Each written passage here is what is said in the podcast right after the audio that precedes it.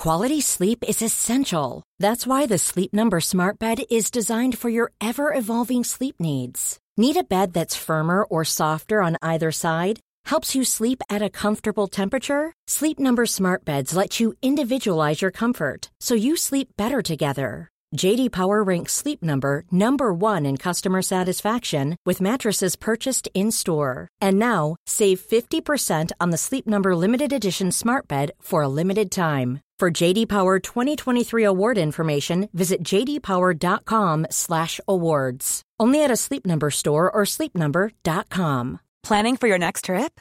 Elevate your travel style with Quince. Quince has all the jet-setting essentials you'll want for your next getaway, like European linen, premium luggage options, buttery soft Italian leather bags, and so much more. And is all priced at 50 to 80% less than similar brands. Plus, Quince only works with factories that use safe and ethical manufacturing practices. Pack your bags with high-quality essentials you'll be wearing for vacations to come with Quince. Go to quince.com slash pack for free shipping and 365-day returns. Hallå! Simon Gärdenfors heter jag. Och snart börjar min podcast Arkivsamtal. Om du lyssnar på det här idag när det här släpps så vill jag informera om att specialisterna och vår The Äta Bajs Tour kommer till Uppsala ikväll. Så skynda till Nubben, där jag kör stand-up med Anton Magnusson och Albin Olsson. Vi tre har också en podcast ihop som heter Specialisterna Podcast och kommer ut varje vecka och finns där du hittar alla andra poddar. Och sen nästa vecka, på onsdag, då jag kör stand-up på Blå Båten på Malmöfestivalen. Det är gratis, så kom i god tid för det brukar bli fullt väldigt snabbt. Dagen efter det så gästar jag Marcus Johanssons talkshow på samma ställe. Då sitter vi och pratar helt enkelt, men kom dit också och häng för det blir kul. Sen i månadsskiftet så är det dags för Lunds humorfestival. Och där har jag en egen föreställning. Även där så är det hög tid att googla fram biljetter. Och glöm inte att det är sista chansen att se min solo stand-up show en slapp timme i Norrköping, Jönköping, Stockholm, Linköping, Örebro, Oslo och Borlänge. Biljetter till det här hittar ni på gardenfors.se. Men för påminnelser, skämt och annat skoj så kan ni följa mig på sociala medier. Som till exempel Instagram, där jag heter atgardenfors. Men nu kommer Arkivsamtal, som klipps av den mycket skickliga Mattias Lundvall. Mycket nöje!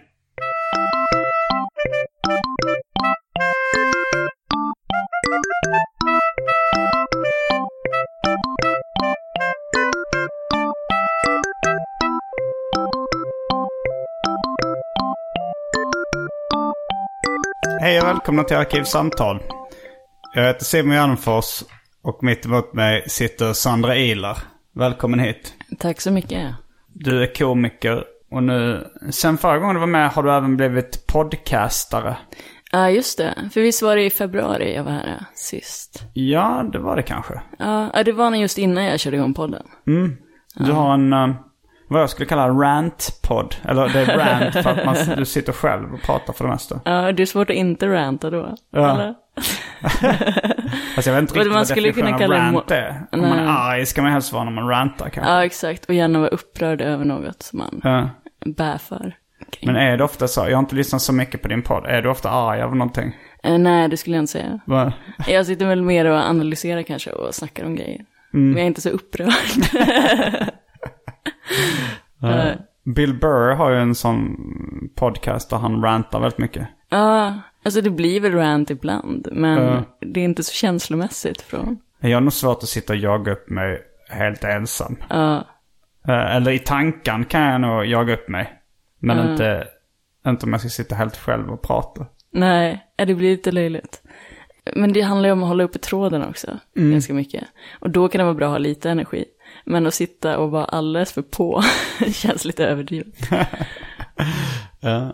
Men jag, gjorde, jag spelade ju nyligen, jag har gjort två avsnitt där jag bara är helt själv. Det var dels när ett musselskal hade fastnat i min ändtarm. Mm, ja, just. Och sen också AMK Sommar. Och AMK Sommar det är då alla mina kamraters morgonprogram AMK Morgon. De gjorde en specialserie med sommarprat. Där eh, återkommande gäster fick eh, liksom ett program var och prata själva. Exakt, jag lyssnade på ditt, det var väldigt bra. Mm, tack. Ja, Jag fattade inte att folk skulle gilla det så mycket. ja. Men har, har du spelat in ett? ja det kommer imorgon. Mm.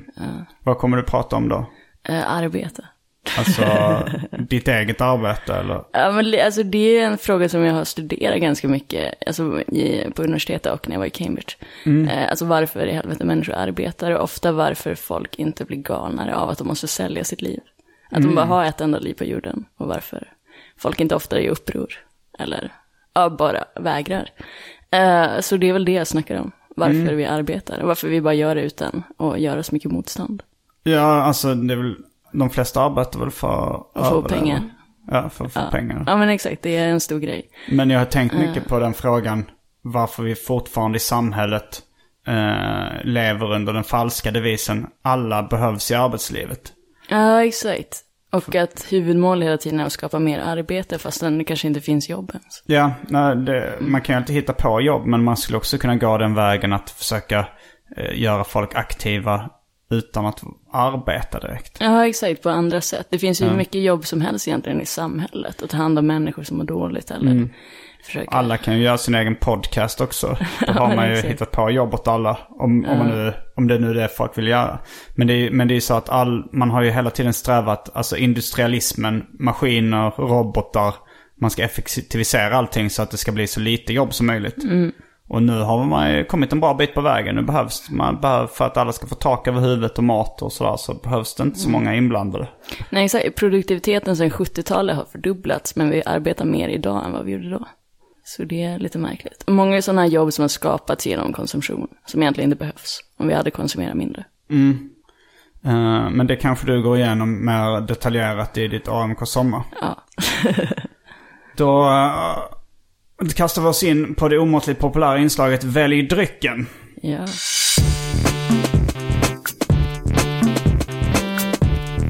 Jag tror vi börjar med det fasta inslaget Välj drycken. Jag kommer snabbt i något av rekordfart läsa igenom de dryckerna som finns. Okej, håll i hatten. Fanta Zero, Pepsi Max, Pripps julöl från 99. Jag hittade den längst in i kylen. Vissa trodde att den var försvunnen eller uppdrucken. Men den finns kvar. Ja, okej, vad skönt. Eh, Malibu, Passoir, Fritz Cola, Mjöd, Inca Cola, Russian Power Energy Drink och för tråkmån sa nej säga vatten. Det är många av de här impopulära dryckerna kvar nu.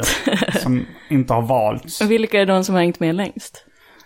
Jag vet inte, den här Inca Colan har varit med extremt länge. Vad är det för cola? Det är en, alltså jag, jag har druckit den någon gång. eh, den är, den är, smakar inte så mycket som andra colaläskor. Ja, Utan den är gul och smakar lite sött, som jag minns den. ah, okej. Eh, Den är inte från Sverige då? Nej, jag tror inte det.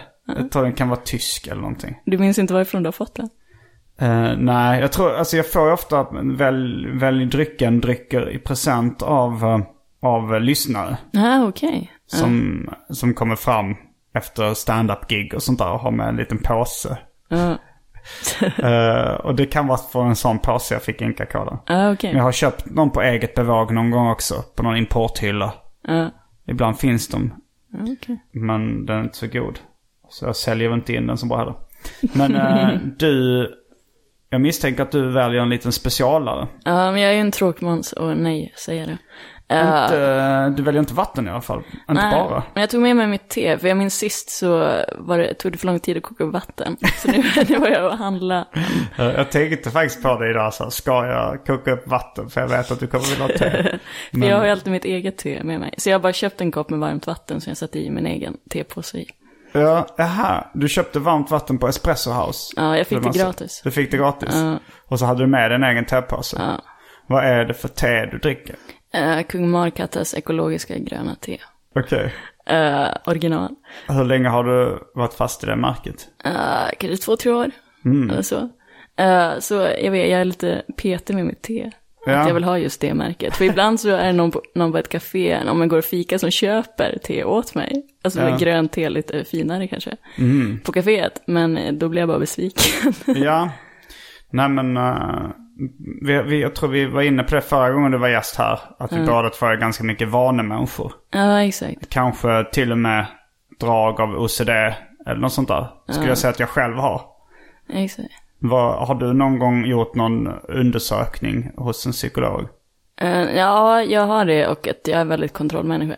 Mm. Men du fick ingen diagnos? Nej. Alltså inte så att det går att diagnostisera, men att jag har stort kontrollbehov. Mm. Det är inte patologiskt. Nej, inte, alltså det, delvis kan det vara plågsamt om det blir för mycket, för jag har svårt att bryta mina mönster. Så ibland så kan det så att det spär över på andra saker och påverkar, kanske negativt, att jag är så bunden i det jag vill göra. Men det är inte ett jättestort problem än. Men jag funderar på det eftersom du nyligen har varit ute på turné med ett gäng andra standup-komiker. Ja, Avskedsturnén. exakt. Men det uppehåller vi med en liten cliffhanger då medan jag hämtar ett glas Fanta Zero. Ibland kan jag tycka det känns lite jobbigt att sitta och supa ensam och bli... Eller så här, Ah, om, okej. om någon annan i rummet inte dricker, om jag sitter och blir lite... Jag har faktiskt inga problem med andra Nej, som dricker. Ja. Men det är nog en personlig grej. ja, kanske. Man vill... eh, Jag själv tycker det är lite jobbigt. Alltså nu, nu är det inte så att jag ska bli jättefull här. Det Under det den här timmen blir jättebra. Sitter och shottar rummet. Det hade varit rätt obehagligt ifall jag sa... Om du sett att jag tar fram mina två spritflaskor och bara så stirrat i ögonen och så shot efter shot. Tills jag blev helt ohanterlig. Bara för att det ska bli så stor motsats som möjligt. Ja, det är inte riktigt värt att... Jag hade nog gjort det ifall det inte hade varit för att jag har en arbetsdag framför mig på en måndag. Eh, Det är, lite, det är nog därför jag inte dricker mer. För att jag är arbetsnarkoman och tycker det är svårt att jobba bakfull och, och Ja, men det är bra. För det är också lite kontroll där. Mm. Att livet ändå behöver viss ordning för att man ska få saker gjorda. Eh, Då är vi strax tillbaks med drycken. Känd. Jag vet inte om te är känd från det omåttligt populära inslaget Välj drycken. Men eh, i alla fall, häng med!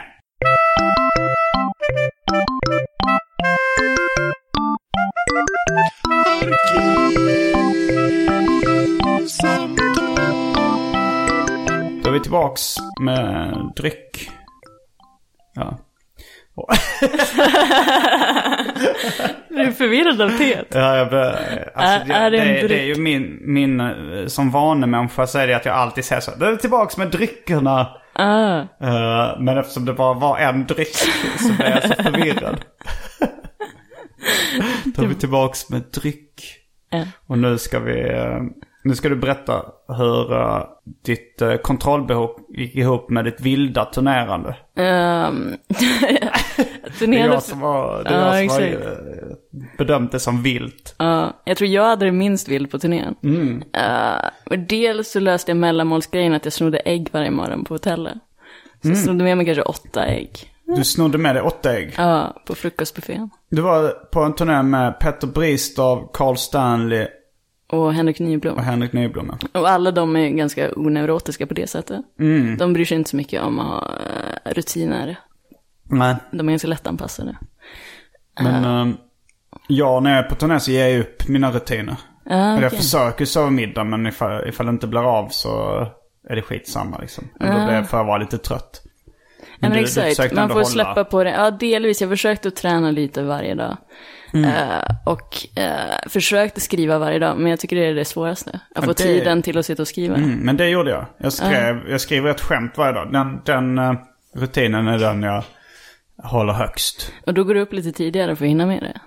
Nej, Nej, jag gör det i, om vi sitter i bilen till exempel eller, okej. eller sådär. Ja, Så jag, I värsta fall får jag skriva i mobilen. Ja. ja, men det fungerar. Jag tycker ju om den här instängdheten. Och sitta och reflektera och behöva lite tystnad när jag ska sitta och skriva. Ja, det kanske, alltså jag, jag promenerar oftast, alltså helst när jag ska skriva. Jag läste nyligen att eh, man ökar liksom kreativiteten om man promenerar. De har gjort sådana tester. Ja, exakt. Så det, men det var, hade jag väl räknat ut själv Ja, jag tycker, många av de bästa idéer jag har fått har jag nog fått när jag har promenerat. Mm. Det är så, framförallt när man har gått ett tag. Kanske så här kvart, 20 minuter. Ja, När man börjar komma in i det här flåset lite. Ja men det är jävligt bra. Larry Charles och Larry David skrev mycket manus till Seinfeld. Och de, de blev intervjuade och frågade så här vad, hur de kunde skriva sådana bra manus. Och sa de att ja, men det var, vi promenerade upp för någon kulle. Jag tror de där promenaderna gjorde mycket. Promenerade och exakt. pratade med varandra. För jag vet också när jag pluggar företagsekonomi att, de, att det finns teorier om att de bästa mötena sker ifall man tar en promenad. Att man kommer fram till de bästa lösningarna och kommer bäst överens. Ja, Vi, när vi skrev specialisterna radiositcomen så tog jag och Anton också promenader ofta så man skulle liksom komma på idéer. Det är faktiskt jävligt effektivt. Ja, exakt. Men hur kommer det sig då att du vanligtvis sitter instängd när du skriver? Ja, men jag tar promenader emellan, kommer på lite grejer, sen sätter jag mig ner och skriver ner det. I och för sig så gör jag också. Jag, jag går inte så ofta skrivandes utan jag hittar på skämtet på promenaden. Eh, exakt. Och sen skriver jag ner den. Så jag skrev ju grejer under turnén just genom, men dels att jag tog lite promenader varje dag. Men också tycker jag att när man förbereder gig och grejer så kan man komma på skämt. Alltså när man sitter där på kvällen innan man ska upp på scenen. Ja, det, Så det är mycket så små grejer, tags och grejer. Som man skriver på, ute på vift. En tag. eh, jag förklarade det här för min storebrorsa igår. Så jag antar att inte alla lyssnare vet vad det är. Men det är alltså en fortsättning. Om man drar ett skämt så kan man dra en fortsättning på skämtet. Där det finns någonting som publiken skrattar åt också. Och det kallas en tag. Alltså när man är klar med skämtet så bara lägger man till ett litet ex- bonusskämt. Ja, som en extra punchline. Ja, men jag var, jag var faktiskt närmare än någonsin att lyckas missa. Jag har skrivit eh, ett skämt om dagen i eh, 1600 dagar nu. Oj, ja. Eh, utan undantag. Har du, har du också satt upp någon sån regel för dig själv att du ska... Nej, det behöver inte vara ett färdigt skämt varje dag. Det kan vara att jag jobbar på kanske en gammal rutin som inte funkar, eller som jag inte har fått funka. Eller att jag jobbar bara på, på ett skämt. Men du har lovat dig själv att skriva varje dag? Ja, Okej. Och håll, det har du hållit det då? Länge? ja det tycker jag. Ja. I alla fall, ibland så kan det bara vara tio minuter. Med att man sitter och skriver någonting. Ja. Och det behöver inte alltid vara skämt, det kan vara annat. Men du sa det någon gång också när vi diskuterade här eh, backstage på någon comedyklubb att även inom den akademiska världen så hade du läst någonstans att det var så att de som var mest produktiva det var de som liksom gjorde lite varje dag. Exakt. Vad- Att det är egentligen det mest effektiva sättet. Så har jag alltid jobbat oavsett vad jag jobbar på, att jag sitter en liten stund varje dag och börjar ganska tidigt. Än att jag sitter sista veckan och skriver allting. Och det är så, för de mest produktiva människorna jobbar så. Att man sitter inte så länge varje dag för då blir det inte lika jobbigt att göra. Då känns Nej. det som, ja men det, jag kan sitta en stund varje dag. Det är inte Ja, så det är inte jobbigt. lika stor tröskel att komma över så här. För att om man känner så här, ah, nu måste jag fan kämpa, sitta i flera timmar. Ja, då, då kanske man skjuter upp det eller skiter i det. Ja. Men bara du sitter en liten stund varje dag i en månad så får du ganska mycket gjort. Jag var väldigt nära att missa och skriva det där dagens skämt för någon vecka sedan. Alltså jag hade en ganska intensiv vecka. Det var så här tre gig på Emmaboda-festivalen och mm, alltså så här onsdag, torsdag Emmaboda-festivalen gig. Fredag, eh, sa, eller eh, heter? Äntligen soligt i Åhus Beach stand-up. Och sen så Emmaboda igen. Så för att ta mig, och sen så mitt Emmaboda-gig då, det var liksom rap-gig. Som var klockan 12 på dagen i Emmaboda.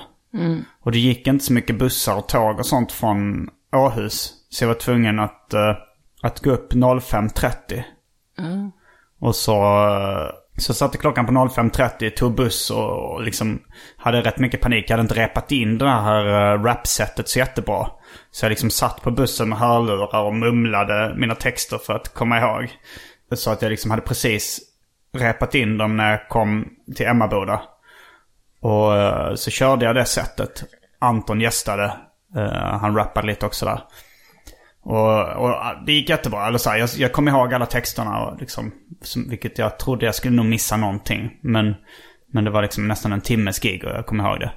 Och sen så efter var det en lättnad. Då satt vi oss och drack lite där. Och, och sen så började det bli kväll.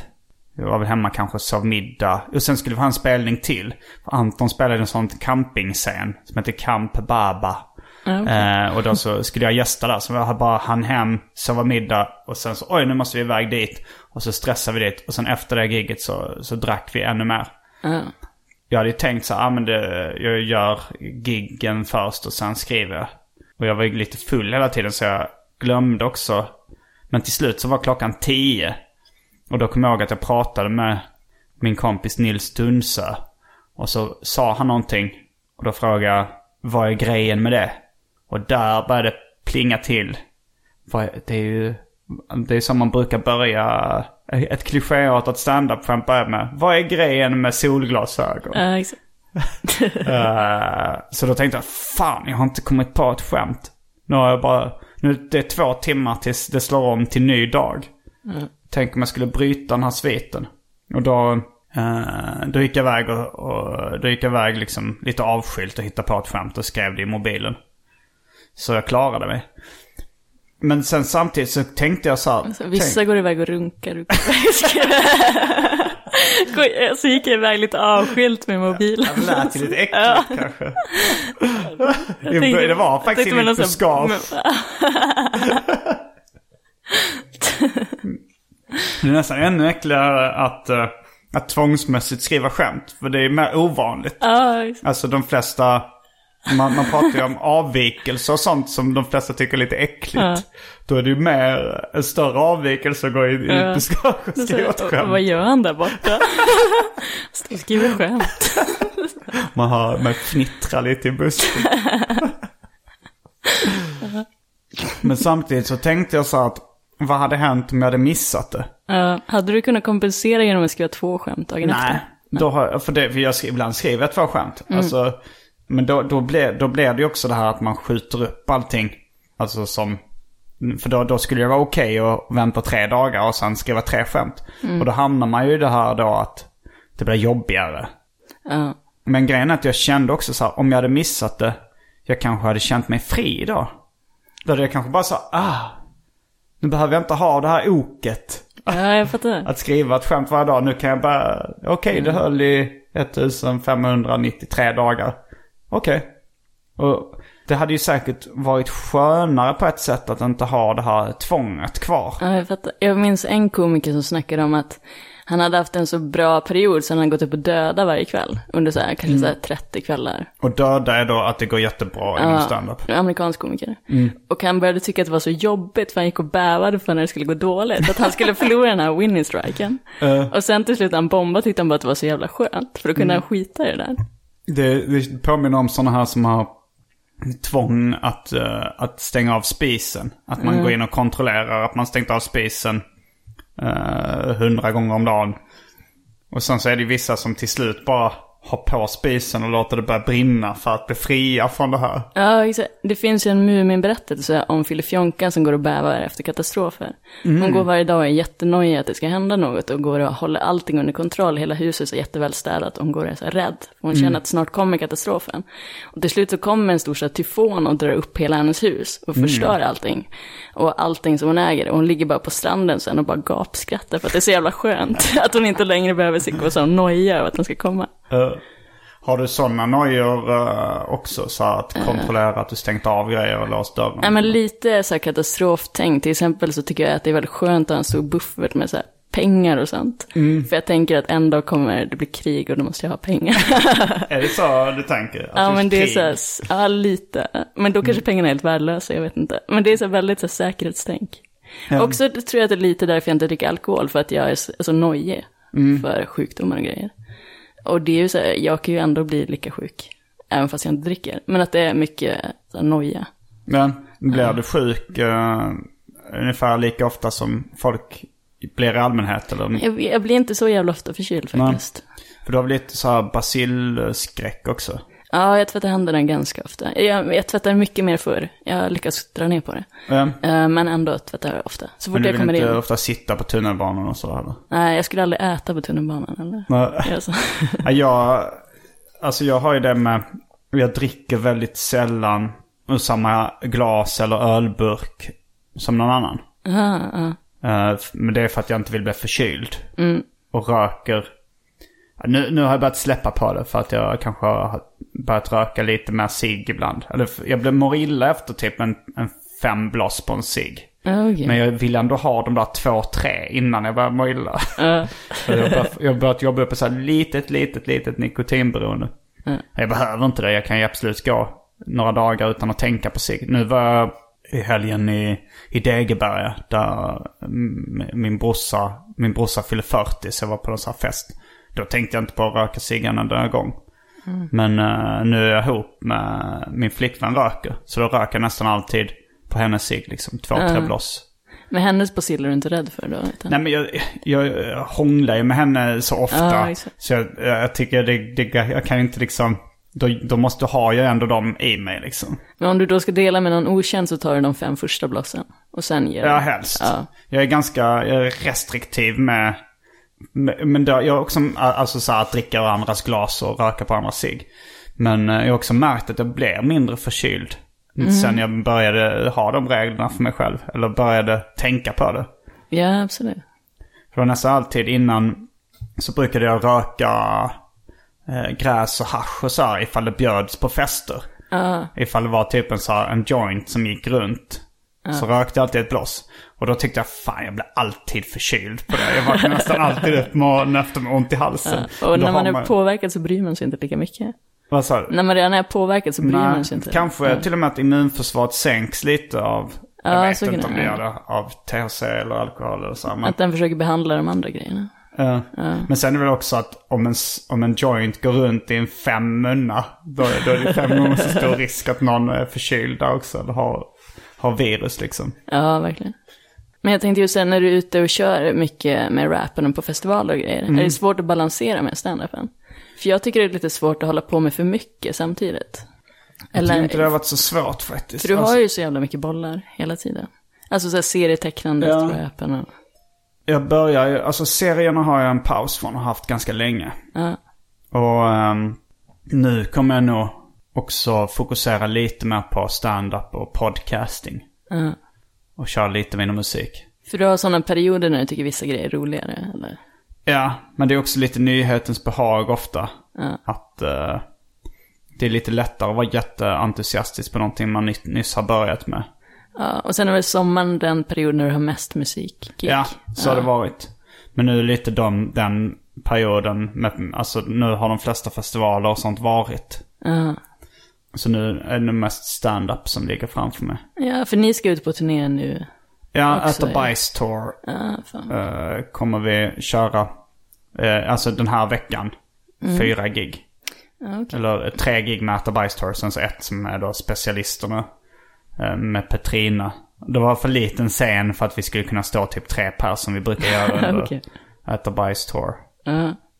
Ja. Men det, jag tycker nästan det roligaste med turnén har varit att vara ett gäng som man hänger med. Mm. Och som man snackar stand-up med. För man lär sig, det som, man lär sig också av det så jävla mycket. Ja, Och bara snacka stand-up och, eh, och se andra komiker. För ingen i vårat gäng är så jättelik den andra. nej. Så man lär sig ganska mycket av varandra också. Mm. Ehm, Nu är ni redan polare sedan tidigare, ganska tajta. Ja, eller vi blev egentligen, jag och Anton Albin blev kompisar genom humorn. Ja, Alltså vi kände inte varandra innan vi började med humor. Eller så, Ja, jag, okej. när jag för kanske fyra år sedan ungefär bestämde mig för att börja med humor. I annan form då, förutom musik och serier. Så kontaktade jag Anton. För jag hade hört hans låtar och, och sett hans rap battles och andra YouTube-filmer och sånt där. Så tyckte jag att han var rolig och tänkte så här, men han, han är lite på eh, samma våglängd som jag. Att han har hållit på med humor i andra former. Men så tänkte jag så här, vi kan göra ett radioprogram till att börja med och kanske börja med stand-up tillsammans. Så jag föreslog för honom då att han också skulle börja med stand-up. Okej. Jag trodde ni kände varandra så jättelänge. Nej. Ja, okej. Jag hade inte börjat med stand-up då när jag kontaktade honom heller. Utan jag tänkte så här, men det kan vara bra att ha någon, någon eh, partner eller någon liksom Ja, okej. comedy-kollega som är inne på ungefär samma sorts humor. så jag skrev till honom på Facebook, eller så här, la till honom på Facebook och så. Ja, okej.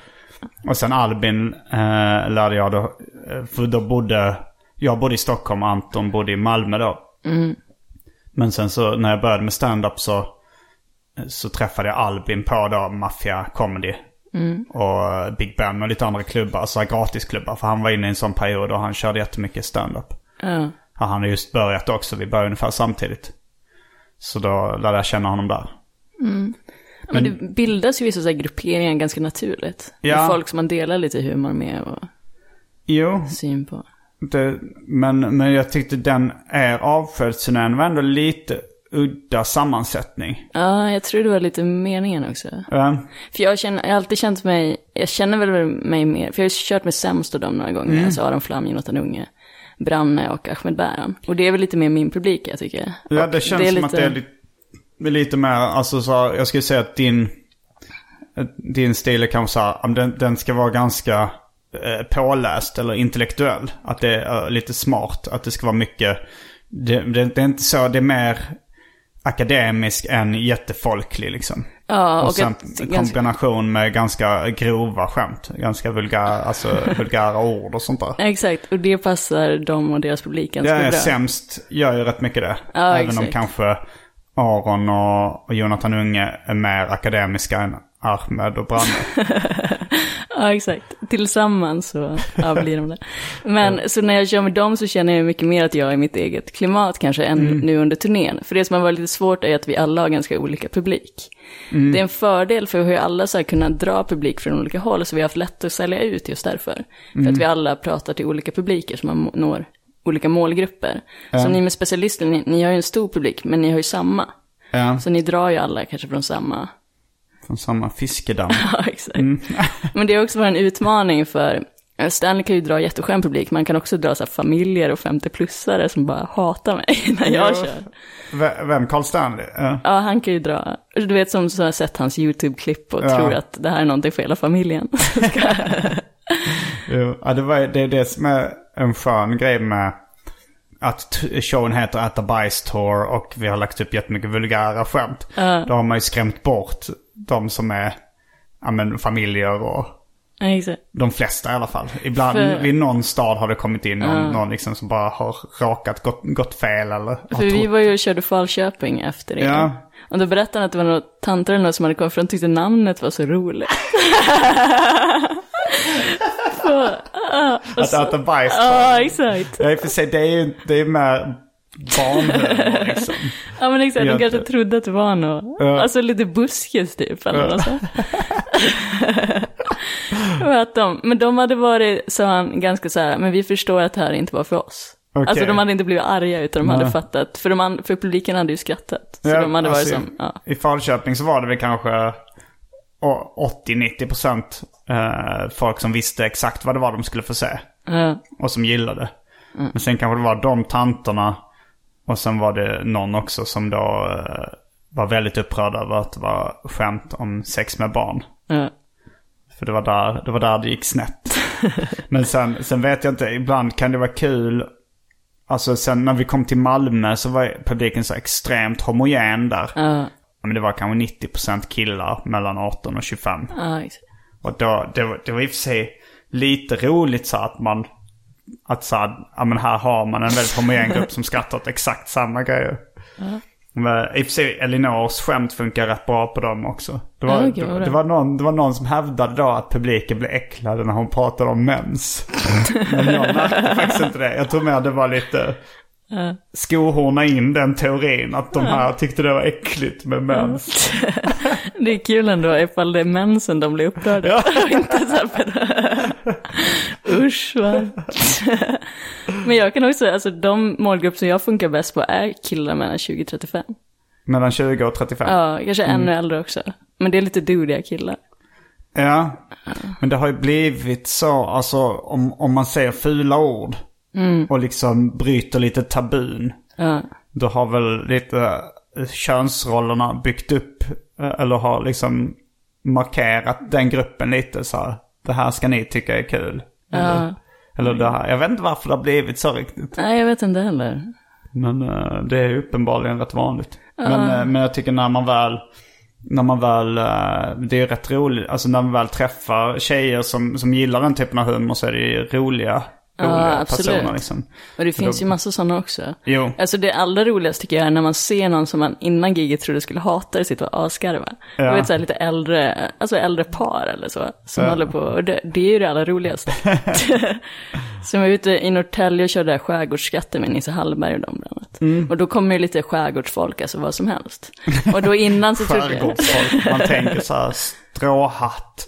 Ja, men- Lite, man tänker vad heter han, Mikael Nyqvist eh, i någon sån här filmtrailer. Han står med uppknäppt skjorta, ett glas vin i handen, blundar och snurrar runt i en halmhatt och bara tar in omgivningen.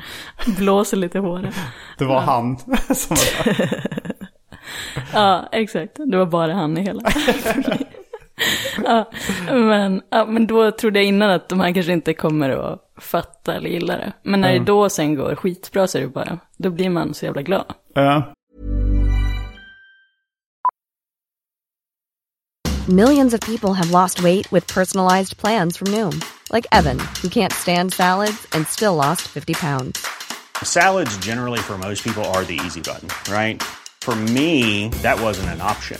I never really was a salad guy. That's just not who I am. But Noom worked for me. Get your personalized plan today at Noom.com. Real Noom user compensated to provide their story. In four weeks, the typical Noom user can expect to lose one to two pounds per week. Individual results may vary.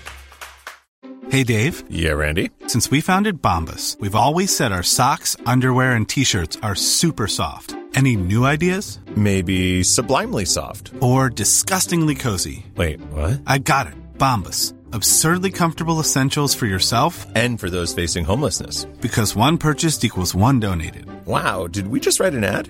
Yes. Bombas. Big comfort for everyone. Go to bombas.com slash ACAST and use code ACAST for 20% off your first purchase. Quality sleep is essential. That's why the Sleep Number Smart Bed is designed for your ever evolving sleep needs. Need a bed that's firmer or softer on either side? Helps you sleep at a comfortable temperature? Sleep Number Smart Beds let you individualize your comfort so you sleep better together. JD Power ranks Sleep Number number 1 in customer satisfaction with mattresses purchased in-store. And now, save 50% on the Sleep Number limited edition Smart Bed for a limited time. For JD Power 2023 award information, visit jdpower.com/awards. Only at a Sleep Number store or sleepnumber.com. Du har väl också, du har väl också, är väl en av de komikerna som jag känner i alla fall som har mest så hit and miss. Att det kan gå svinbra någon gång Ja, och sen exakt. ibland en publik som inte fattar någonting. Och det är helt tyst. Jag saknar det här mellanläget. Nej, ibland kan det väl gå. Men alltså Ja, det är vanligare. Om man, om man tänker Carl Stanley till exempel är det oftare att han har en jämn ja, exakt. skrattnivå var han än kommer. exakt. Men det brukar vara verkligen att folk älskar det eller så hatar man det. Vad är det han, uh, Mitch Hedberg har ett skämt om att han hade ett punkband. Så Vi hade ett punkband, det var ett sånt band. Att det fanns de som älskade oss, det fanns de som hatade oss. Och sen fanns det de som tyckte att vi var helt okej. Bra. Men jag märker alltså ju skickligare man blir, desto mera får man det att funka för. Att Ja. man lär sig små knep för att linda in folk. Jo, det, det, det kan vara vissa så små, små knuffningar bara i viss riktning. Jag, jag körde hos uh, Kristoffer Appelqvist.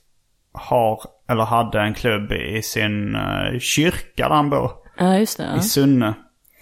Och då var det ganska mycket en sån här, eh, ja men lite äldre människor blandat med, det var väldigt blandat. Men det var, det var ju många över 60 liksom. Och då så var det så här att jag körde lite skämt om förintelsen. Och märkte att vi- en del av publiken inte skrattade. Och då sa jag bara någon sån liten kommentar att oj nu, nu tror jag jag tappade den här delen av publiken. Liksom. Eller så, jag sa något sånt. Ja det är det här, oj nu förlorar jag. Och då så skrattade de den delen av publiken lite så här förlöst. Liksom, ah vad skönt att han tog upp elefanten i rummet liksom. Att vi inte tyckte det här var okej. Ja, men jag märkte att det är en väldigt bra grej att visa att man själv är medveten om att det här kanske är grovt. Eller Ja. att man visar att man fattar. Men efteråt så sa Kristoffer Appelqvist också, sa, sa han så ja men du, eh, så, så snackade vi om det. Så, ja det var ju, det var ju några som tyckte vissa grejer var för grova. Så sa men du, men du räddade det lite genom att prata om det. Man märkte att efter det tyckte de om det igen. Och sen frågade jag så här, men tycker du inte att du har sålt ut lite då? Att du inte bara kör på? jag tyckte att så här, för då, då, då, det är ändå ett steg närmare företagskomiker när man kan de här Ja, ja, kanske, men samtidigt också för att få sin grej att funka. Ja. Alltså poängen är ju ofta... För du kör ju ändå skämtet. Ja, Så du har ju inte censurerat dig. nej. Men jag, men jag, jag väljer ofta, ifall jag vet att det är så här, okej nu är det ett gäng pensionärer här. Nu är det eh, mack på ribban på kallbadhuset. Då tar jag bort mina mest eh, stötande skämt. Ja, men jag tycker det är rätt smart. Ja. Det, det känns ju så lönlöst att bara stå och bomba liksom. Men jag vet som inte vad effekten skulle vara för det. För du kan ju ändå köra dina skämt i dina forum där Jo. det funkar. Jo, men det gör jag.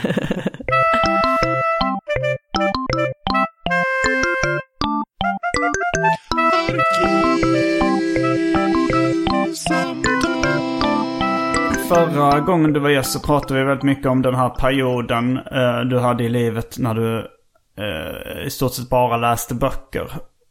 Men hur ser ditt liv ut idag? Jag, jag brukar gilla konceptet vandra mig igenom en vanlig dag i ditt liv. Eller en, kanske, för, i och för, sig, för dig kanske man kan säga en vanlig dag. Jag skulle, nog, jag skulle inte gissa att du är någon som säger så här. En dag är inte den andra lik. Jaha, nej den är ganska li- Det beror på vad jag ska göra på kvällen. Ska jag ta en gigdag eller? Ja. Alltså ofta så giggar man ju på kvällen. Ja. Någonstans. Ja men det är att eh, jag brukar vakna, äta frukost, läsa Vilken tid? Vad sätter du klockan Helst klockan sju. Klockan sju? Ja. Tidigare var det alltid fem. Det var lite extremt. på? Okej, du har förändrat din... Ja, jag har löst upp det. Det är lite för att jag jobbar på kvällen nästan alltid. Att jag är ute och kör stand-up. Så jag är ofta hemma typ tolv. Eh, så ja, men jag tycker om att ha de här morgontimmarna för det är då jag jobbar som bäst. Innan så här världen har kommit igång och det är lite tyst. Men, alltså du sätter klockan på sju. Ja, Och sen, sen sätter jag mig och äter och läser DN. Jag brukar duscha först. Och så l- äter och läser DN. Eh, och sen sätter jag mig ofta och skriver. äter du fortfarande blåbär? Eh, nej, nu är det laxfilé. Ja, nu var det det. Ja. Laxfilé och spenat. Och smör. Ja, men, eh, men det har jag märkt en grej. För jag var i torpet i Småland i början. För vi har ett familjetorp där nere. eh, I början av sommaren. Och där hade jag inget internet. Så jag satte mig och skrev direkt. Ja. Alltså innan jag hade kollat internet eller någonting. Efter frukosten satte jag mig och skrev. Men nu när jag är i Stockholm så kollar jag alltid internet innan. Så jag kollar igenom grejer lite fort. Men jag märkte att jag skrev mycket bättre där nere. ja, man fastnar ju väldigt lätt i internetkollandet. Ja, och det känns som att man blir lite grumlig i skallen. Man blir Jo. lite, ja. Ja, jag brukar också göra det. Vi, vi kan börja med din dag. Att du, sen, sen, sen kan vi ta, gå, vandra oss igenom min dag. Men sen brukar jag sitta och jobba och skriva på grejer ungefär till 11-12 eller något sånt. Ja, men det är ganska många timmar ändå. Ja, Då, alltså du sitter och skriver. Är det, är det stand-up grejer då eller är det något annat du äh, skriver? stand-up, lite annat. Jag kan också sitta och läsa och göra sånt som jag tycker är viktigt inom situationstecken. Viktigt för ditt jobb som Ja, komiker. eller bara för intellekt eller vad fan. Mm. Ja. Men du pluggar ingenting nu då? Du har ingen... Nej, jag gör min masteruppsats lite vid sidan av. Okej. Eh, men jag, har, jag vet inte riktigt när jag ska bli klar med den. Har du CSN då för att göra Nej, den? det har jag inte längre. Okej. Eh, men förhoppningen är att jag ska vara klar nu i höst eller nästa år. Så lever du på den där stora bufferten du har lagt undan om det skulle bli krig? Den senaste månaden har jag faktiskt levt på standupen. Jag Mm. lever inte fett, men jag Men, överlever. Jag har inte så mycket omkostnader, jag köper inte så mycket grejer. nej. Eh, men sen så brukar jag, sen brukar jag sticka och simma eller träna. Mm. På något annat sätt. Bara gymma liksom. Eh, ja, fast jag mest bara motion. Att Mm. jag springer på bandet eller något. För jag märker också att, att, för ibland när man får ur den här energin i kroppen så skriver jag bättre sen. Ja. Att man blir för rastlös inombords. Men jag har hört att många säger det, att de skriver bättre eller tänker bättre när de har tränat liksom. Ja, mycket bättre. Jag Mm. kan så slappna av och bara sitta tillbaka och skriva sen. Så sticker jag väl hem, käkar lunch, sover middag. Oftast 20-30 minuter. Mm. Eh, och sen fortsätter jag att sitta och jobba ett tag och skriver och det.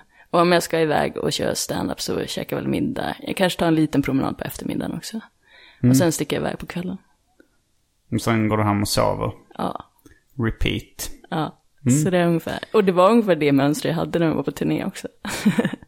Du lyckades träna också då? ja, ganska Alltså så var ute och springa då eller vad? Ja, jag har ett gymkort så det gymmet finns i de flesta städer. Så jag kan sticka dit. 24 hour. Yes.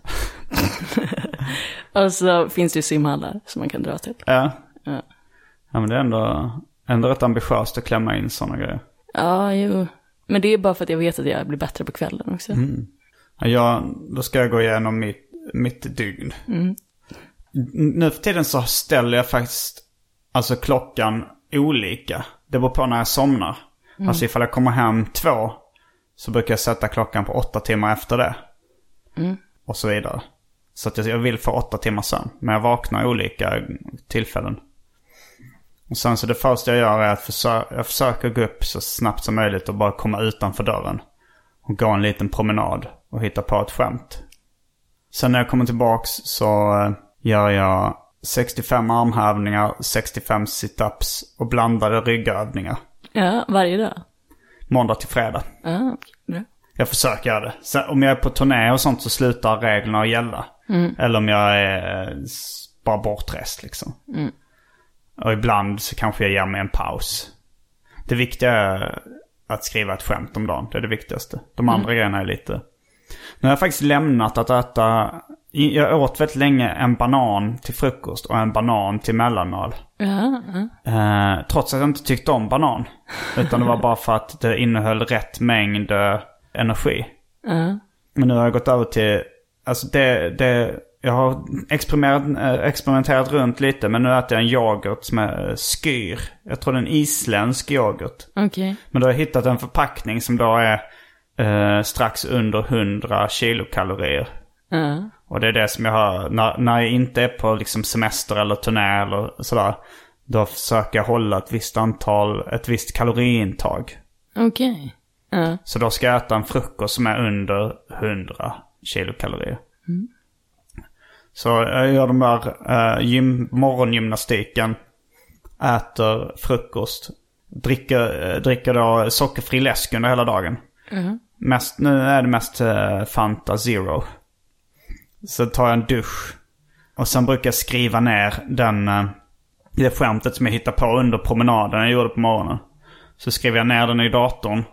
Sorterar in det under eh, rubrik. Jag har ju så rubriker då. Skämt om sex, skämt om mat och dryck. Skämt, alltså så här, olika rubriker. Sorterar in det. Sen skriver jag en uh, liten humordagbok. Där, där, där jag berättar så här, idag skrev jag ett skämt om det här. Sen så kanske jag tar upp lite grejer från mitt privatliv också i humordagboken. Men också ja, men så här, lite vad som händer. Om man var på ett möte med det och det personen eller. Jag tänkte det kunde vara kul. Men för när jag började med stand-up. Då hade jag som ursäkt för mig själv att jag skulle skriva en bok. Förmodligen en seriebok eller en, eller en textroman. Om hur det var att försöka bli komiker. Det var lite så, eh, så här, jag tänkte om jag misslyckas med det så kan det bli en rätt rolig serieroman om en kille som misslyckas med att bli komiker. Så att jag, jag som min storebror sa, bara, sa, you're hedging the bets. Att om jag skulle misslyckas med det kommer jag misslyckas med något annat. Att det är någonting inom spel och ekonomi man säger. Men jag skriver den här humordagboken i alla fall. Det, kan- det börjar nog med för det. Men då går jag också igenom, om jag gjorde ett gig dagen innan, så går jag igenom det. Lyssnar igenom uh, det stand-up-giget jag gjorde. Bedömer publikens reaktion. Alltså så här, från skämt till skämt. Okej, det här skämtet om, om uh, kapsyler fick uh, en fyra av fem. Så sorterar jag in det och räknar ut. Så jag får, gör en sån här lista på vilka skämt som har funkat bäst. Jag räknar ut ett genomsnitt på skämten. Ambitiöst. Och jag skriver även upp ett kort lite för hand i en humordagbok som jag har liksom som en fysisk pappersbok. Och det, det är bara ren OCD. Ja, men jag skriver också lite. Ja. Alltså jag skriver mer anteckningar. Det är ju en dagbok, men det är som anteckningar varje morgon. Ja. Lite om gårdagen och också lite stand-up. Men inte just skämt, utan mera saker jag behöver jobba på. och Så. Och sen eh, när jag är klar med de, de rutinerna. Då brukar jag ofta, ifall jag, ifall jag har möten eller något sånt där. Eller poddinspelning är ganska vanligt att jag har. Jag väljer ofta in tre podcasts i veckan är en vanlig. Alltså den här specialisterna podcast och AMK Morgon brukar vara med minst en gång i veckan. När de inte har sommaruppehåll som jag har just nu. Så det är ofta kanske en podcastinspelning. Annars så sätter jag tänderna i min långa att göra-lista. Och det är ju sådana här ärenden som att fakturera eller köpa en ny skrivare. Eller det är ganska mycket tråkiga ärenden. En del långsiktiga planer kanske så här, nu ska jag börja med det här. Alltså så här, om jag funderar på något nytt YouTube-projekt eller ja, men sätta ihop en ny föreställning eller något sånt där kan det också vara sitta och jobba på. Sen klockan 12, nästan exakt klockan 12 så äter jag då någon färdigrätt. Idag så åt jag en halv Dr. Oetkers mozzarella-pizza. Okej. Det, då, är, då är det också så här, då ska, då ska den helst innehålla då mindre än 500 kilokalorier. Så du håller, är det därför du gillar färdigmat? För att du har koll på kalorierna i den? Ja, det är vä- väldigt mycket därför. Ja, okej. Eh, också att man slipper, att det är tidseffektivt. Ja, mm. Men då äter jag till exempel, för en halv sån är 400 kilokalorier. Äter du den andra halvan till middag? Ja, ibland. Eller så sparar jag den till lite senare. Ja. Men jag äter väldigt mycket eh, alltså, djupfrysta färdigrätter och kanske också med, men på Subway och eh, på snabbmatsrestauranger. För Du lagar aldrig mat? Under, under 2016 har jag faktiskt aldrig lagat mat. Säger det med stolthet. 2015 så lagade jag tacos en gång med min flickvän. Ah, okej. Men jag tror, jag tror faktiskt inte jag lagar mat hemma. Jag har väl hjälpt till. Jag, alltså nu när jag var hos min brorsa eh, och han fyllde 40 så hackade jag liksom lite gurka och tomater och, och, eh, och sånt där. Alltså jag hjälpte till att laga mat då. Eh, Men jag lagar i stort sett aldrig mat åt mig själv. ah. Eh, och, och snabbmatsrestauranger, alltså sådana här kedjor som då Subway eller McDonalds och Burger King och sånt. Det är bra också för då kan man ju, då är det mycket lättare. Där har de ju listor på eh, vad det är, hur mycket eh, kalorier deras mat innehåller. Ah, okej. Men Så du kan, du kan inte uppskatta på ett ungefär? Det kan jag göra, men det är rätt svårt om du, om du går in på en, någon lunchrestaurang där det bara så här, dagens rätt, så är det lax med potatis och bearnaisesås. Hur fan, hur mycket är det? Jag har ingen aning. Det beror på hur stor portion det är. Och det. Jag kan ju höfta lite men jag har också vad jag själv kallar Gardenfors syndrom. Att jag inte kan sluta äta om jag ser mat framför mig. Jag äter alltid upp på tallriken. Om någon har chipsskala på en fest så sitter jag bara där. Ah, okej. Ja. Jag minns du sa det en gång när vi käkade på La Cucaracha. när vi kunde få in hur mycket vi ville. Mm, Så det är det som är bra med färdigrätt också. Att det är en, en portion liksom. Att sen när man ätit upp, när jag, jag skär ut den där halva fryspizzan och sätter in resten i kylen. Ah. Och sen Så du bryr dig inte om ingredienser och råvaror och sånt? Utan det är Nej. mer bara kalorier? Det är bara kalorier. Sen smak såklart alltså. Och sen också att jag har ju då ambitioner att vara vegan. Ja, Men jag lyckas inte. okej. Jag, jag, jag tycker det... Jag, jag, jag säger, man somnar inte alltid som vegan. Men man vaknar alltid som vegan. så varje dag så har jag ambitionen. Men idag har jag brutit det eftersom jag ätit mozzarella-pizza. Ja, Och ibland så att jag ju även kött. ja. Jag äter fisk och ägg. Så. Så, så att jag äter två, två eh, rätter som då innehåller alltså lunch och middag 500 kilokalorier. Mellanmål och frukost 100. Sen så, jag, har jag lite luckor, alltså jag får ju dricka öl om jag vill. Eh, det, det är bara, det är kanske ren alkoholism som gör att jag inte kan hålla mig från det också. Men räknar du kalorier när du dricker också? Inte så, nej. För det överstiger väl ganska fort? Jo, det, det, det, det sticker iväg. Det är därför jag inte är, det är därför jag är normalviktig istället för uh, undernärd. Ja, för du äter väl för lite kalorier? Ja, ja, det gör jag. Ja. Men sen så fuskar jag ju ofta. Ibland så käkar jag lunch med någon kompis. Då går man till någon indisk restaurang där det säkert är mycket mer. Och sen kanske jag äter en glass. Sen kanske jag dricker lite öl. Men det här är mer att jag försöker ändå hålla det på den nivån.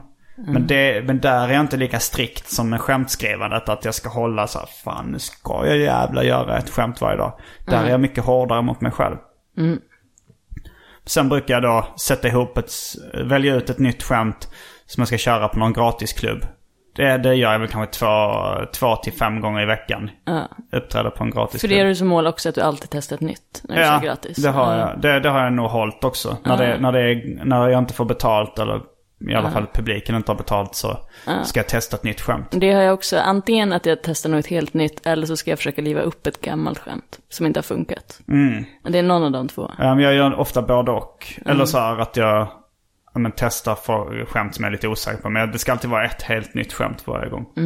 Och sen äh, går jag hem och lägger mig. Och brukar äh, träffa äh, min flickvän några gånger i veckan. Ja, Var och varannan dag. För det är väl det också, för vi båda är ju i förhållanden. Ja. Men vi är ganska svåra på att anpassa oss. jo. Så jag vet i alla fall den person som jag lever med måste vara ganska bra på att anpassa sig. jo. Bor ni tillsammans nu? Uh, när vi funderar på det, men det är just att eh, lite osäker just hur det ska gå. För, Ja. Men vi är båda att vi gillar att vara ensamma också. Ja. Att man, för jag just när man ska skriva och grejer så tycker jag om att ha den här ensamheten. Att Mm. man vet att man inte blir störd. Jo, speciellt när man inte har något kontor sådär att gå till. Ja, exakt. Så är det ju, jag vill jättegärna liksom ha avskildhet när jag arbetar. Ja, exakt. Och, ehm, och om jag ska vara ärlig så tror jag inte riktigt på att uh, kärlekspar ska bo tillsammans. Nej, kanske inte. Jag tror att om jag hade flyttat ihop med min flickvän nu, då hade vi mycket snabbare tröttnat på varandra, börjat bråka mer, alltså slut, blivit mycket mindre förälskade i varandra. Ja, Och så här, börjat störa sig på små saker Exakt. Och eh, hade förmodligen, det hade förmodligen inte hållit lika länge. Exakt, för det har jag också tänkt på att när man då, om man bor ihop, Mm. eh, att då kanske man går och längtar att den här personen ska gå ut. Så att man ska få lägenheten för sig själv. Jo, så är det. Så här, kan det inte gå, så att jag Ja. var ensam.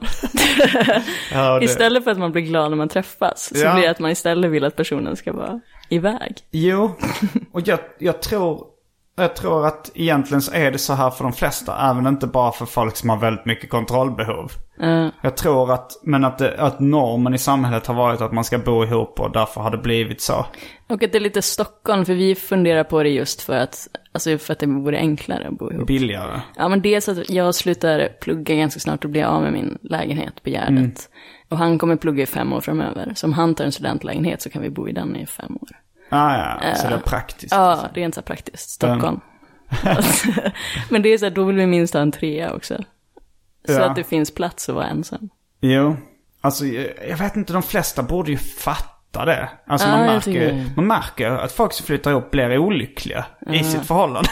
Jag tror väldigt få saker blir bättre av det. ja, det är det. Men, men, men sen så, mitt ex, vi bråkade, eller bråkade lite, men hade diskussion om det. Hon ville rätt gärna flytta ihop.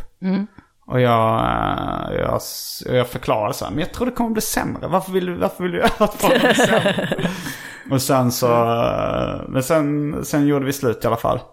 Eh, Det var nog inte bara på grund av det, utan lite alla möjliga anledningar. Har du bott ihop med någon tjej? Nej, Nej, det har jag inte gjort. nej inte jag. Jag har bott ensam så jag flyttade hemifrån.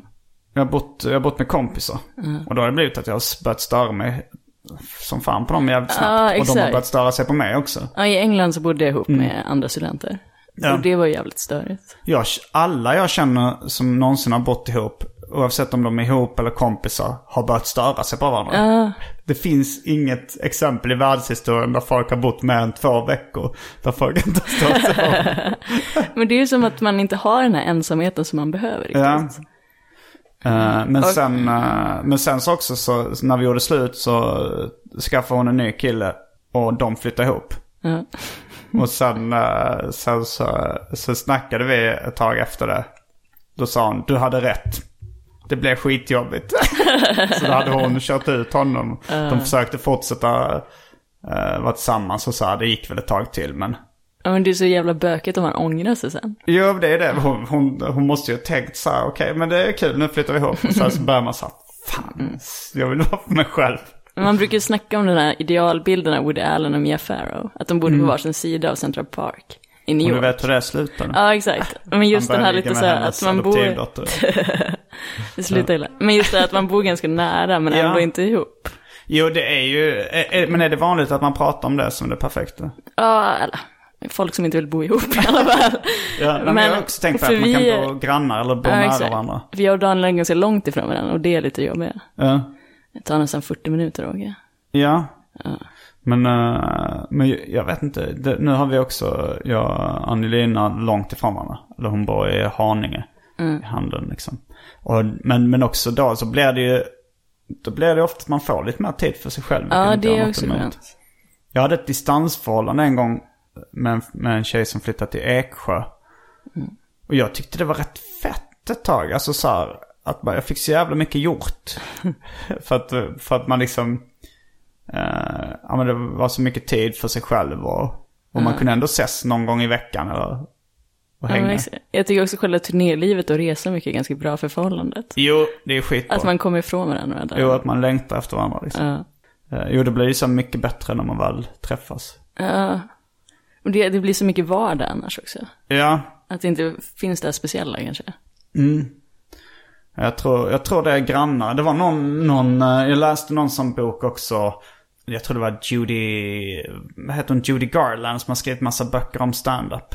Eller Judy någonting. Ja, jag vet vem du menar. Är det Comedy Bible?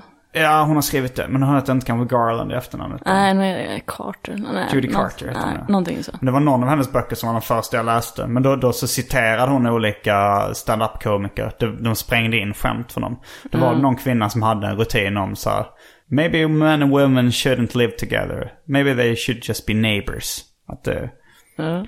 men eh, ja, det borde ju finnas... eh, undersökningar som visar om man är lycklig. Jag, jag tror verkligen att man skulle vara lyckligare om man var grannar än om man bodde ihop. Ja, men det känns som man, behö- man alla har behov av att vara lite ensamma. Ha sitt eget. Ja, fast alla har. Sen är det ju vissa som är lite beroende av sällskap. Ja, det är vissa sådana som vill flytta ihop på en gång när de träffar någon. Ja. Och alltid vara med varandra. Och sen, eh, sen är de det. Men, men håller det då? Liksom, brukar det? Jag vet inte, men det, sen så tänker jag att det kanske beror lite på att vi är lite kreativa. Att vi Ja. behöver ha tid att tänka. Plus att vi lever i någon form av modern tid. Alltså så när, när det var förr när man flyttade ihop i en liten stuga och sen så... Man var, accepterar ju att vara olycklig mycket mer förr. det var så här, man, man, man kanske hade någon partner man hatade. Det var ju jättevanligt förr med det så här take my wife please skämt. Och, och det var ju självklart att, eh, att även liksom frun hatade sin man liksom. Exakt. Därför man bara, stu- man bara härdade ut. Att det var mer en fängelsemetafor fast, fast man får skilja sig. Så det. Ja. Jo, men det, men det kanske var ett här socialt, stigma ja. som man säger. Och, och att... eh, jag pratade, jag tror det var förra avsnittet av Arkivsamtal när Aron Flam var gäst. Som för övrigt brukar vara gäst i din podcast också. Mm, exakt. Men då berättade jag om någon komiker jag hade hört i, eh, i tonåren. Som hade en rutin om att, eh, att lycka kom i små doser. Eh, och att han hade, skulle ha liksom någon psykologisk inriktning som skulle heta bara shut up. Så, håll käften, det, det behöver inte. Och, och eh, det var någon lyssnare på Twitter som skrev att det var, kom från Dennis Learys skiva eh, There's No Cure for Cancer. Det kanske bara hette No Cure for Cancer. Har du hört den? Nej, inte det. Eh, Jag kollade upp den, jag lyssnade, jag lyssnade på den igen uh, igår. Eh, och den är faktiskt bra. Alltså jag, jag kommer ihåg, den, den kom 93. Ja. Så det är ganska länge sedan. Men jag kommer ihåg att jag gick kanske i högstadiet 93. Kanske gymnasiet till och med. Men jag kommer ihåg då att folk, så vanliga eh, medelsvenssons, pratade lite om den skivan. Det var, det var någon låt som heter I'm an asshole. Som han har gjort. Har du hört den? Eh, nej. Men det, det handlade om att han, eh, att han parkerar på handikappsparkeringar och. Eh, bland annat. Men, men sen så hade han... Jag, jag skrattade faktiskt högt vid ett tillfälle när jag hörde den skivan. Det, var, det är den rutinen som heter typ rehab. Eh, den kan jag rekommendera att ni lyssnar på. Och han pratar om eh, hans teori är att ingen är lycklig. Man ska inte klaga på om man inte är lycklig. att att så här, ibland kanske man äter en kaka som är god eller så. Eh, Och då kommer det så här, fem sekunder orgasm. Det är det, det, är det enda som finns. Du bara, sen, ska det, sen ska du inte hålla på. Och den är så konstig den här retoriken som finns om att det ska finnas någon slags lycka som man kan uppnå. Alltså ett stadie av lycka. Ja, Som skulle vara oändlig. stabilt eller någonting. Ja, att man ska finna lyckan i livet. Eller. Ja, För jag tror också bara det att man kan uppnå stunder när man mår bättre. jo. Men, men sen så kan ju lycka vara att man får de där stunderna lite oftare. Ja, det kan Alltså jag. om man är deprimerad så kan man kanske inte uppskatta den där kakan. Nej, Eller, att man uppnår en högre stånd av välmående. Ja, att man stabilare. oftare känner sig glad eller känner sig uppåt. Och, och lite mer sällan vill ta livet av sig. Men jag accepterar lite det. Alltså så här, de senaste åren har jag blivit lite lyckligare än... jag- Eftersom jag skrivit humordagbok i fyra år nu. Eller kanske till och med snart fyra och ett halvt år kanske jag ska. För jag började lite innan jag ställde mig på scenen som stand-up-komiker också. Då, så, då kan jag se så här för fyra år sedan så hade jag mycket oftare ångest och, och så här, inga liksom självmordstankar i den här stilen att, eh, att så här, nu planerar jag att ta livet av mig. Men mer så här, fan vad skönt det hade varit att vara död nu. Ja, jag fattar. Liksom den lite mer slappa självmordstankar. Att nu har jag inte det speciellt ofta längre. Eller det, jag kan knappt minnas senast liksom. Det kan ha säkert gått ett halvår Ja, okej. sen dess. Men då så dök det upp. Dök det upp rätt ofta så här, ganska så här. Men kanske framförallt också på vinterhalvåret. Rätt så. Men kan det då vara korrelaterat med dina, att det går bättre för dig? Rent framgångsmässigt? Eller? eh, Jag tror inte det. För att för fyra år sedan gick det väl... Ja, nej jag, jag vet inte faktiskt. Jag tror att det inte eh, har haft så mycket med framgångsmässigt att göra. Okej. Ibland kanske det bara handlar om liksom lite kemi i hjärnan. Okej. Och ja, men så här, om, om det är mörkt för, om på vinterhalvåret så märker jag att det är väldigt, mår, att jag mår sämre. Men det kan ju vara att en, en faktor är kanske, det går bättre för mig framgångsmässigt. Jag får mer pengar, jag har råd att åka utomlands massa gånger under vinterhalvåret. Och då så mår jag bättre på grund av det. Ja, kanske. Sen så är det väl vissa perioder i livet när man är lite mer deppig och nere. Ja, Det kan gå något år när man är mer nere, sen när man är ett bättre år. Då. jo så är det. Och sen är det också beroende lite på vilka kompisar man hänger med. Ifall, de, eh, ifall de är jobbiga liksom, eller om de är trevliga. Nej men absolut, man brukar väl prata om goda relationer, ha något att se fram emot. Eh, Gärna något att pyssla med som du trivs med. Lyckans tre ben. Ja, exakt. Det har jag lärt mig en standup-rutin av Ola Söderholm. Ja, det, var- det, var, det var väl Oslipat tror jag hade en, en special där man skulle tolka någons texter. De brukar ha det. Det, kan, det här kan ha varit Emil Jensen eller någon annan de skulle tolka. Och då hade han någon låt om lycka. Och då googlade Ola Söderholm fram Lyckans tre ben som var något att göra, något att tycka om, något att se fram emot. Och det, det är ju ganska bra tips. Ja, det är ganska enkelt och, men ganska Ja. bra. Har du något, för jag brukar ju planera in en resa liksom. Till och med kanske köpa biljetten så jag kan sitta och titta på min Japan-biljett. Så här, ah, i november ska jag åka dit. Så, alltså så ha en så tydlig att se fram emot liksom. Eh, ja, jag brukar, alltså nu har jag haft som grej att jag åker till Cambridge ganska ofta. Mm. Så jag var där i början av sommaren så tänkte jag åka nu lite senare höst igen. Bara Där vara där några dagar. lite kort. Exakt, jag tycker bara om den miljön. Och vara där, promenera runt lite, köpa lite nya böcker, gå runt och läsa. Åka dit själv och bara vara ensam några dagar. Mm. Ja. Det är väldigt skönt. För jag har ett sånt här university card så jag kommer in i alla byggnader också. Mm. Hur länge kommer du ha kvar det kortet? Ja, kanske. Jag tror att det har gått ut egentligen, men de kollar inte så noga Nej. på det. Så jag kan bara hålla, det är min bild, så jag håller bara upp det och så är det så här, loggan. Ja.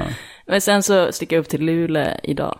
Mm. Alltså till min familj i Norrbotten. ja, och det ser du fram emot också. Ja, det var länge sedan jag var där. Så vi ska Mm. bara upp i fjällen lite.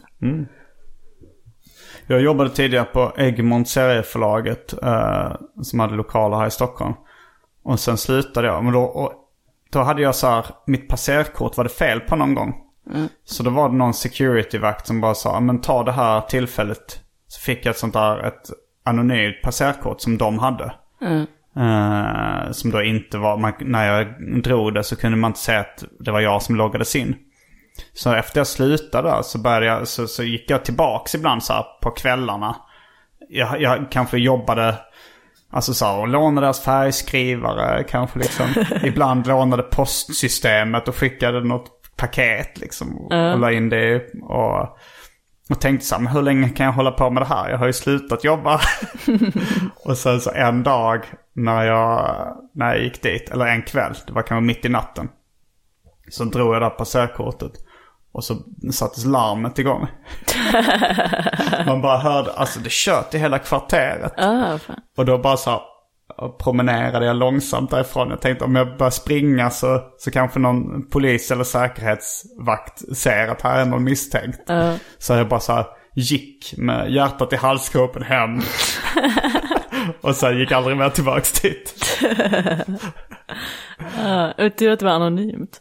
Ja, det var det. Men de, de hade nog märkt att så, oj, det, det har börjat försvinna lite brännbara CD-skivor. Och det, det, är något så, det, det är något som inte stämmer här. Vi måste nog avaktivera och byta kod eller någonting. Jag vet inte vad det var. Det är så kul när man låtsas att det inte är en själv som har gjort något. att man försöker se så avslappnad ut och bara gå. Och med de orden så avslutar vi veckans avsnitt av Arkivsamtal. Jag heter Simon Gärdenfors. Eh, Jag heter Sandra Gillar. Fullbordat samtal.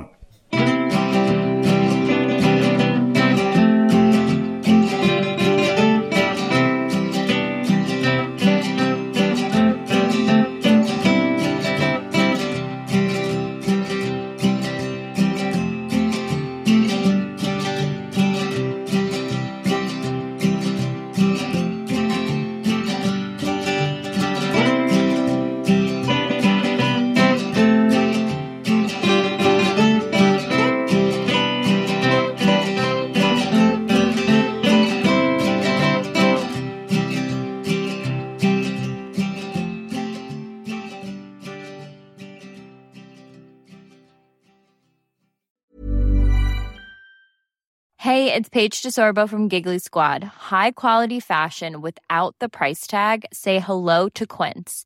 I'm snagging high-end essentials like cozy cashmere sweaters, sleek leather jackets, fine jewelry, and so much more. With Quince being 50 to 80% less than similar brands. And they partner with factories that prioritize safe, ethical, and responsible manufacturing. I love that. Luxury quality within reach. Go to quince.com slash style to get free shipping and 365 day returns on your next order. Quince.com slash style.